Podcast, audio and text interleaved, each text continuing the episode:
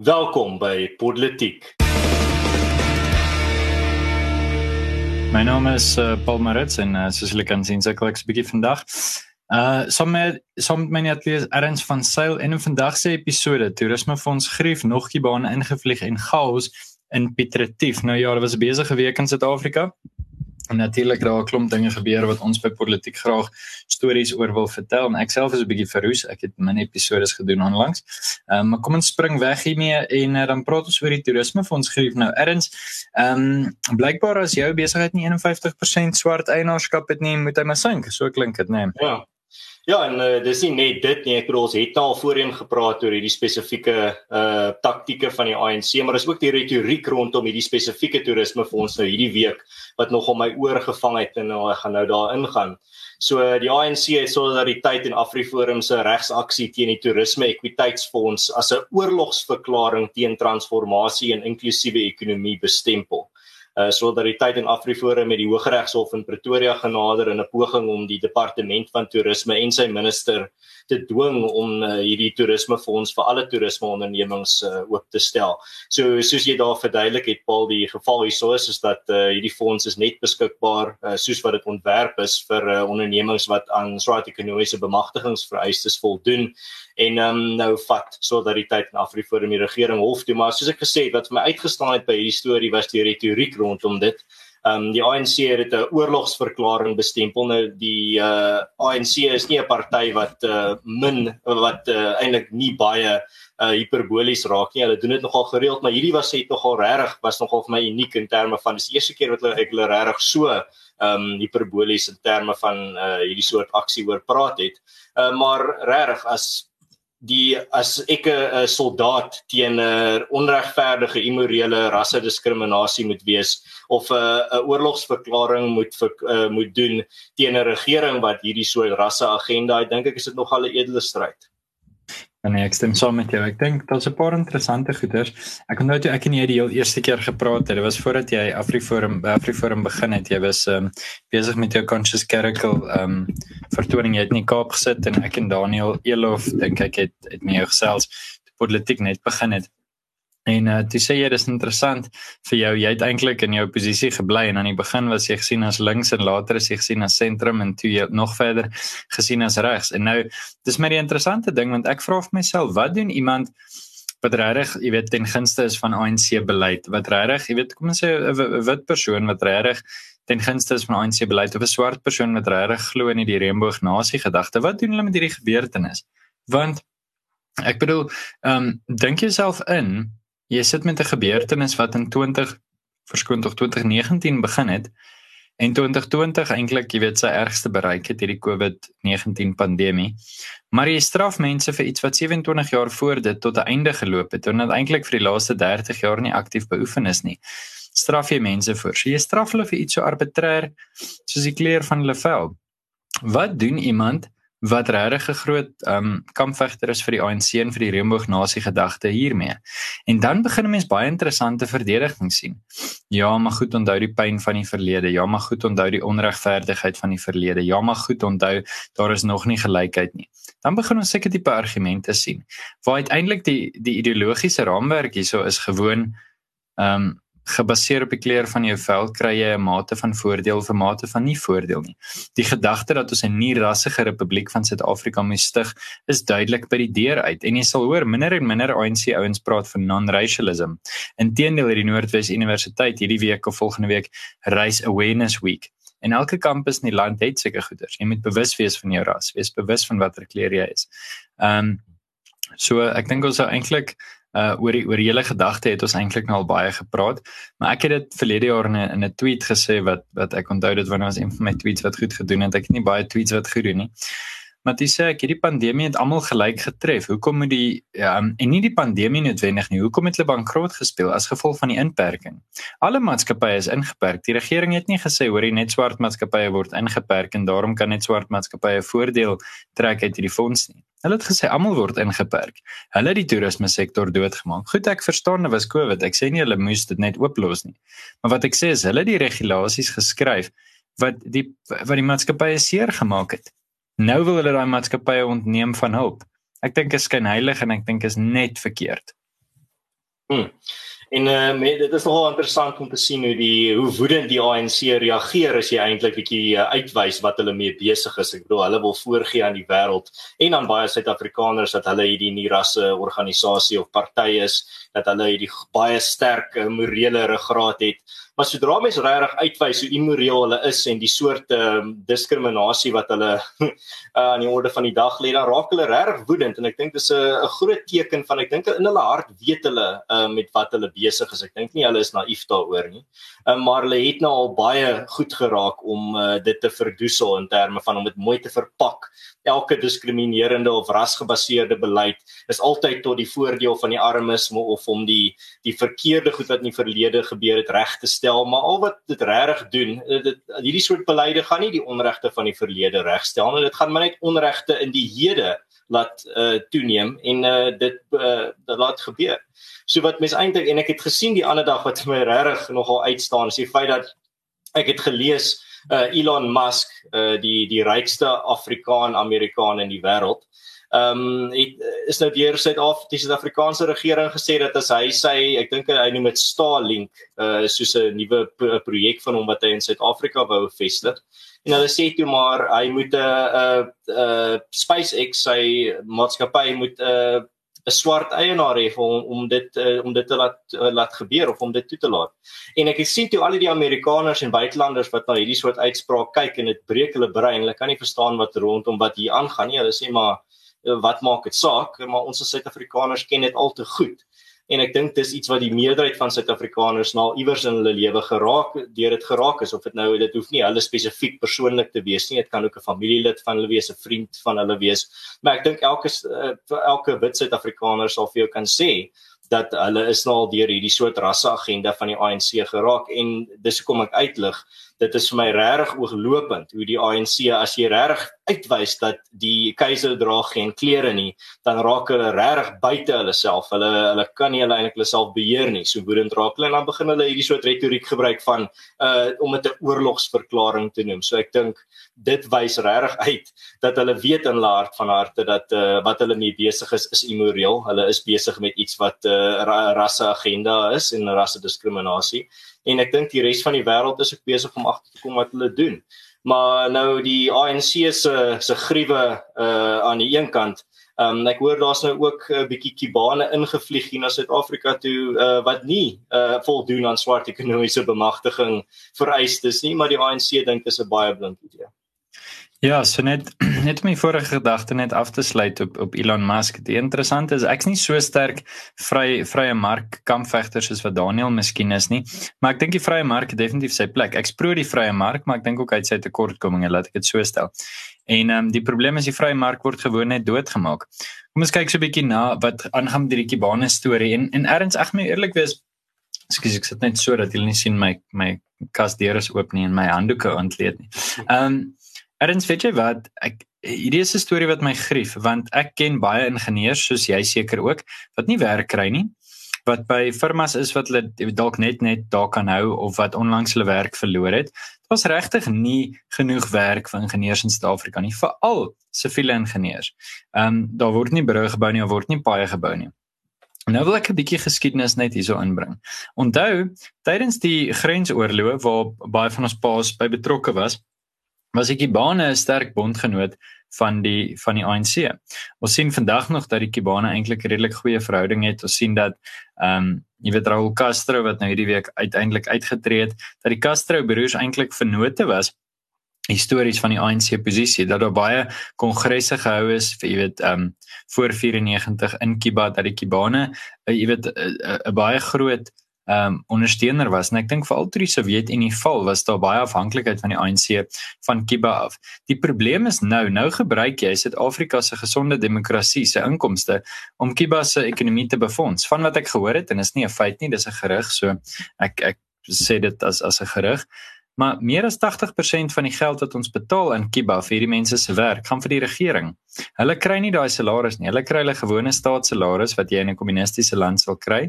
Hulle pap kuponne en dan moet hulle ehm um, jy weet meeste van die geld gaan vir die regering. So hulle is eintlik maar hier soldate vir die regering se ekonomie om hulle regering se ekonomie en kommunisme in die lewe te hou. So dis vir my baie baie erg op verskeie fronte. Ten eerste dat ons hierdie tipe misbruik van mense sou ondersteun. Ten tweede dat ons ingenieurs aanstel terwyl ons 'n drastiese tekort aan werk het vir ons eie ingenieurs. Ehm um, en en ja, goed, mense kan praat oor ras. Miskien is dit vir die regering 'n probleem dat baie ingenieurs in hierdie land wit is. Ons weet hulle maak nie 'n geheim daarvan dat hulle nie wit mense wil aanstel nie.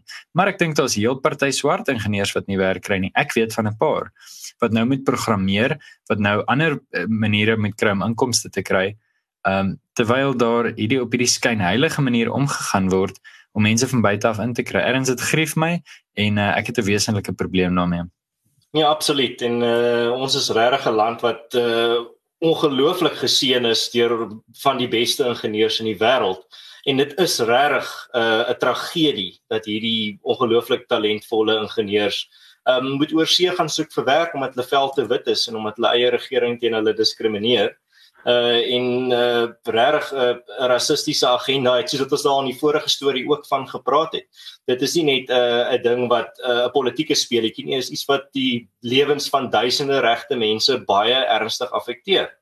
En dit is 'n uh, 'n uh, 'n pad wat die ANC nie net uh, dis nie net 'n klein eksperiment wat die ANC gedoen het nie. Dit is eintlik 'n pad wat hulle al hoe meer hulle self aan toewy om te volg. Ek bedoel hulle praat van radikale ekonomiese uh, transformasie en dit is wat hier aan die gang is. En in, maar in terme van die kibane hierdie is eintlik maar net hulle ideologiese bedmaatjies wat die ANC gunsie voordoen. Uh, jy kan maar sien 'n uh, uh Cyril is definitief chommies met kommies en uh wat ons hierso sien is dat uh, dis maar net die ANC wat sy maatjies uithelp en die ANC sal definitief oor 'n 'n 'n lang pad vol gebreekte glas loop vir hulle vir hulle kommunistiese vriende in die wêreld ons het dit nou al gesien. So dit gaan nie regtig oor om die beste kundige mense in te bring wat regtig uh, enigstens 'n verskil gaan maak nie. Dit gaan oor politieke gunste. En dit gaan oor ideologiese maatjies wees. En uh regtig om van Kiba af mense in te voer of ingenieurs in te voer om jou infrastruktuur reg te maak is 'n absolute klug want Kiba as jy enigstens gaan oplees daaroor is 'n land wie se infrastruktuur uitmekaar uitval dis besig om te vrot Ehm um, elke elke orkaan wat vir hulle tref is hulle is nie reg daarvoor nie. Elke keer is dit 'n absolute penarie daarso. Hulle is definitief nie uh een van die top lande in terme van ingenieurs of in terme van infrastruktuur nie en om nou van hierdie kibane in te voer vir hulle in infrastruktuurkundigheid is vir my absoluut absurd en dit wys eintlik maar net die die uh, politieke skouspel wat hier aan die gang is. Nee, natuurlik. Ehm um, Ag ek het min twyfel daarin erns, jy weet en ehm um, uiteindelik moet met mens jouself vra dis dis dalk maar 'n jy weet 'n 'n moeilike vraag en verskoon die metafoor maar die ANC moet homself vra met weet hy in die bed geklim?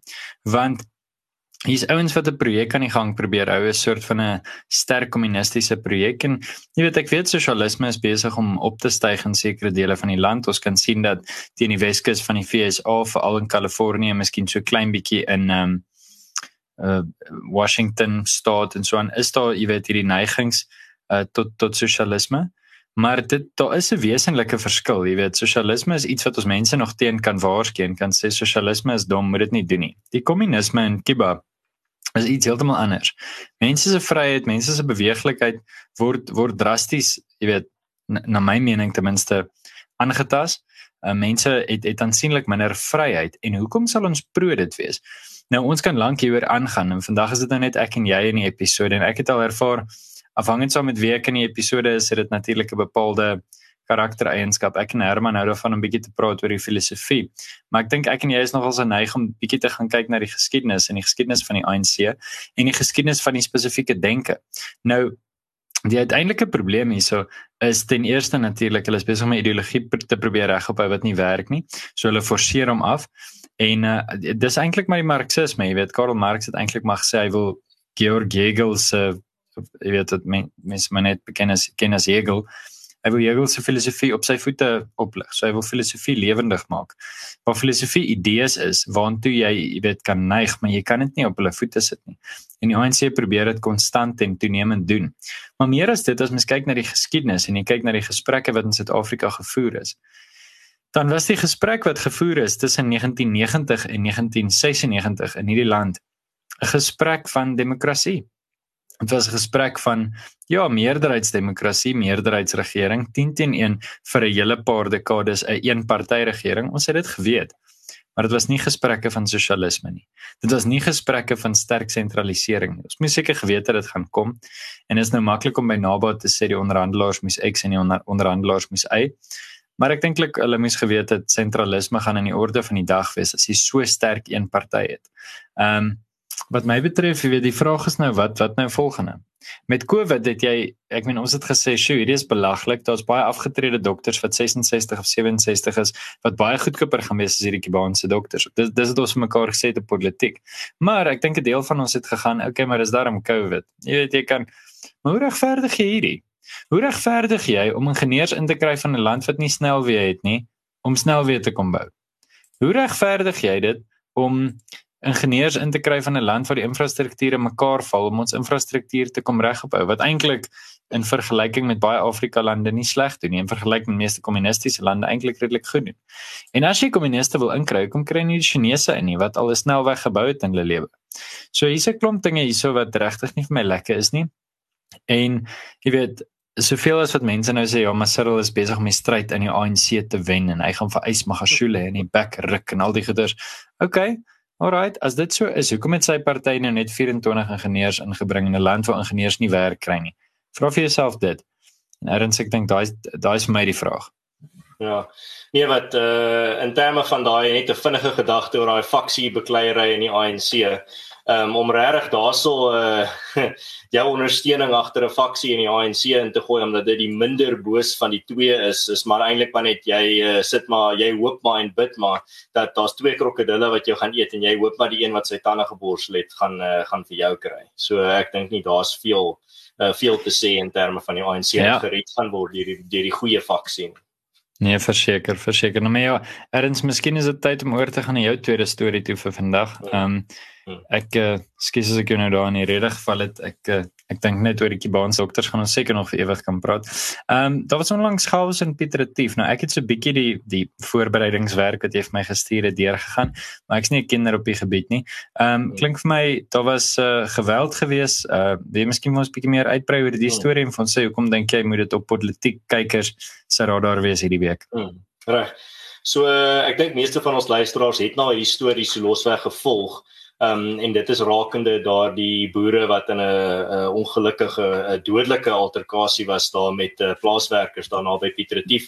Ons het nog die nie die hele storie daarvan nie. Daar's baie weergawe so in terme van die storie self wat daar gebeur het daai dag gaan ons nou nie veel analise kan doen nie, maar ons gaan nou praat oor wat hierdie week gebeur het uh in terme van die uh, die borgtog uh saak wat nou daar was. So die die borgtog aansoek uh het nou voor die borgtog aansoek was nou voor die hof hierdie week ehm um, die beskuldigdes het voor die hof verskyn en uh, uh een van die joernaliste van die ERR Gabriel Kraas was daar om 'n bietjie ondersoek in te stel aan wat daar aangaan met die hele dorp was in rep en roer. Daar was uh, honderde mense wat opgedaag het om protes uh, te proteseer en Uh ongelukkig is hy, ons uh, mede-aanbieder Herman Pretoria is nou nie om vir ons bietjie meer van uh te vertel van wat met hulle joernalis gebeur het nie, maar ek gaan sommer uit sy storie uit 'n uh, paar goed wat vir my uitgestaan het uh uitlig.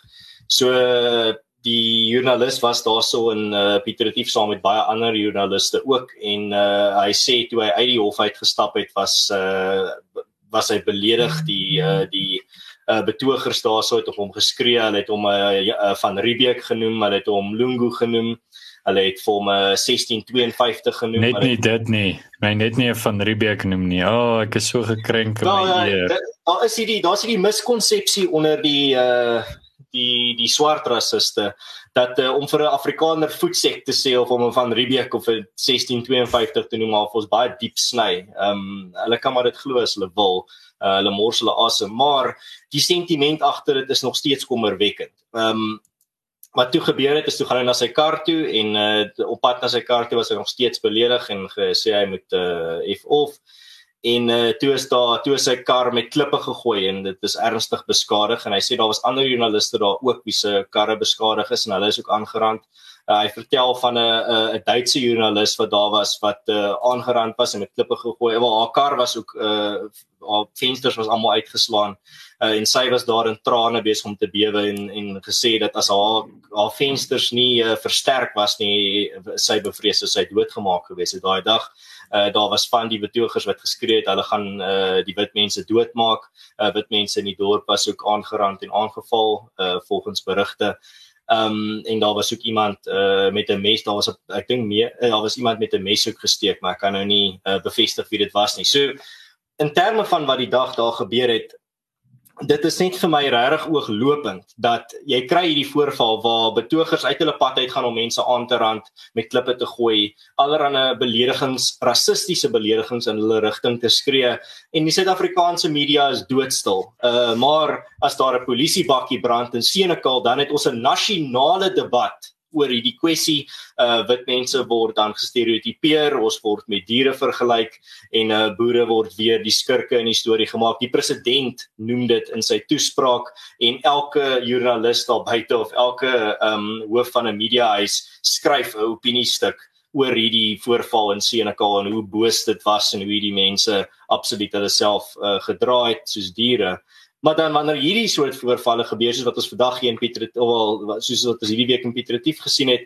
waar mense aangerand word en rassistiese beledigings na hulle toe geskree word, waar hulle gedreig word dat hulle doodgemaak gaan word, dan is daar absolute stilte van die media of die politici is doodstil daaroor.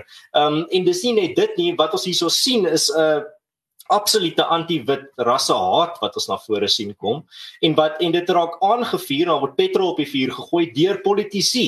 Die dit is die die uh, partye soos die EFF en die ANC wat teenwoordig was by hierdie betoging wat dit aange wat die vlamme aangeblaas het wat vir die mense opgesweep het wat hulle gesê het maar hierdie is 'n 'n duidelike geval van wit mense wat swart mense doodgemaak het uit rassehaat uit.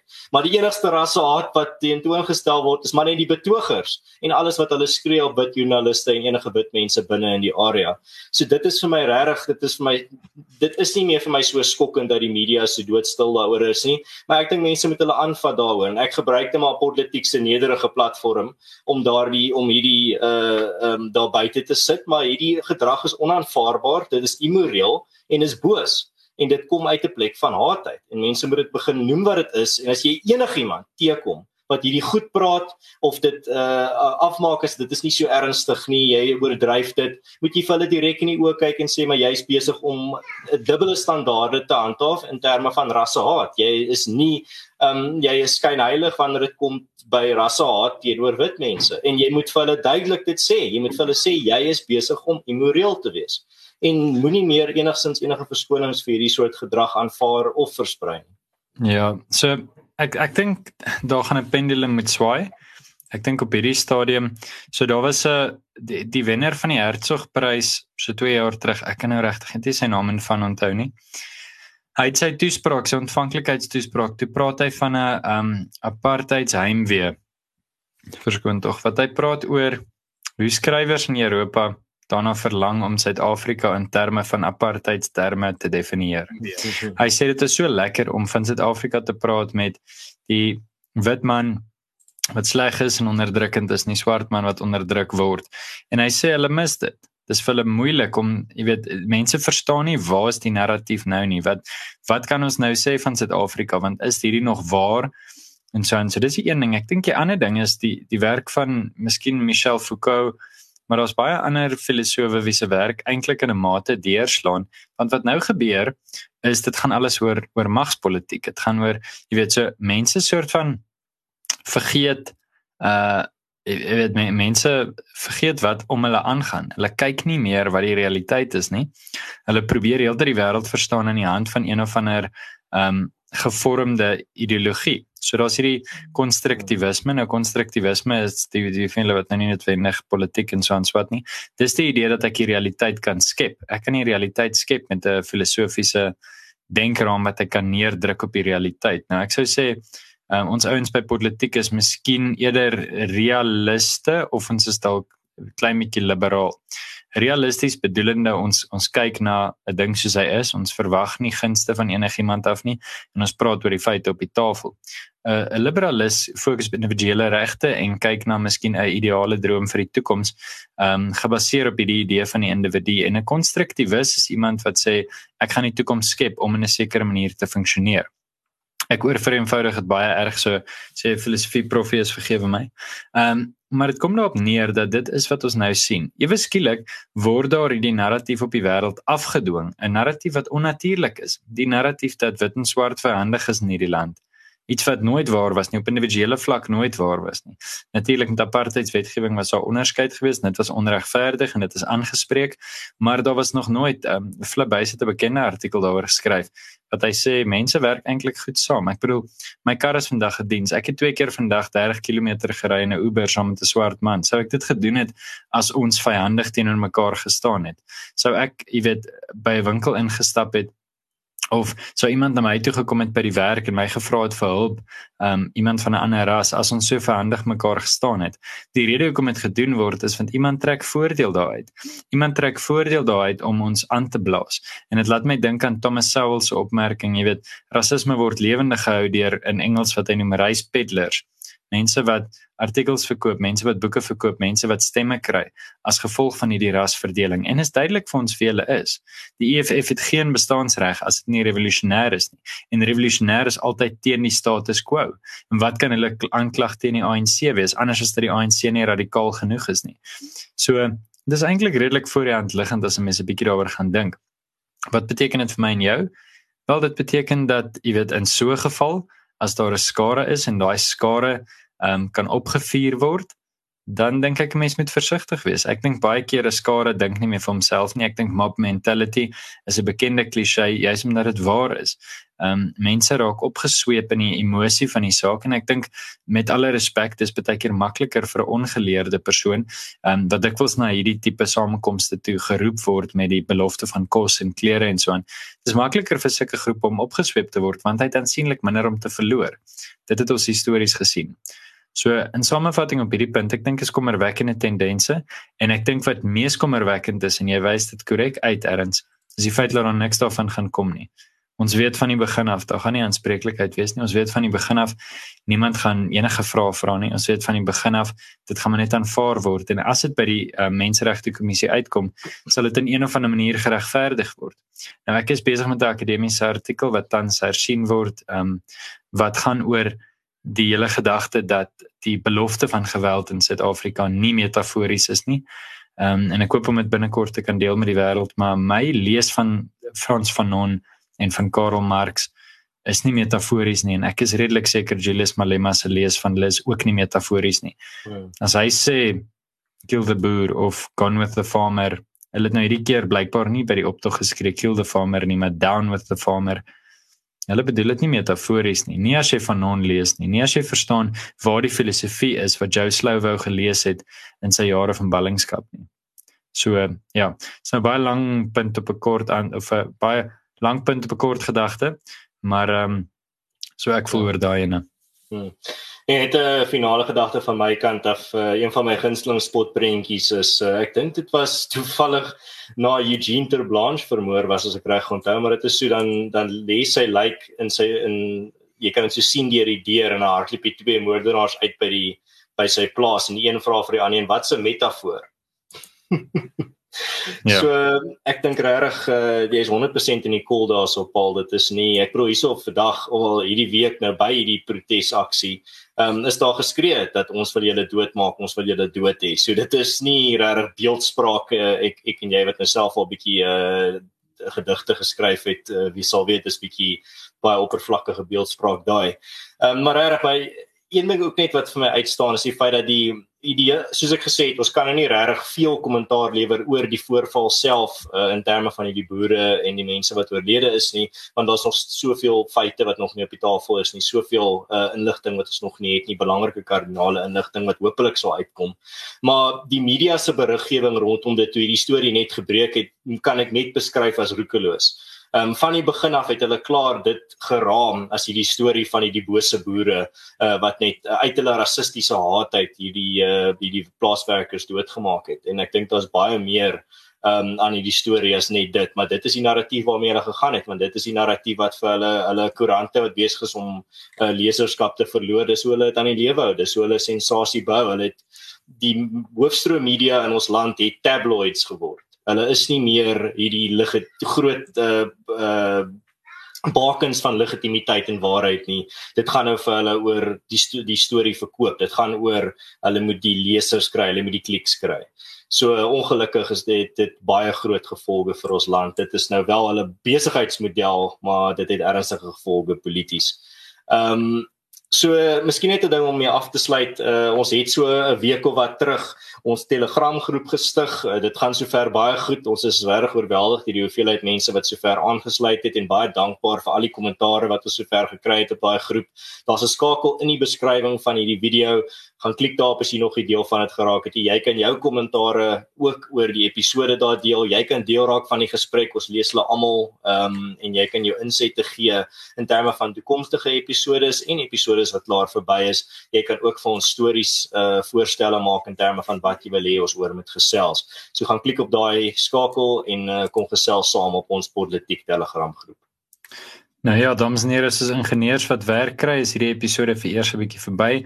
Ons nooi jou as luisteraar uit om self bietjie te nonsens die gesprek voor te sit en watter ook al kommentaar afdeling jou platform vir jou bied. Maak gerus kontak as jy besigheid op politiek wil bemark. Um, jy is welkom vir ons resensie te los jou klagtes en gedagtes. Nou bloos tog veel vra. Ons is op 824 volgers op YouTube. Ons wil baie daarvan hou om daai 1000 kerf te bereik voor voor die helfte van die jaar.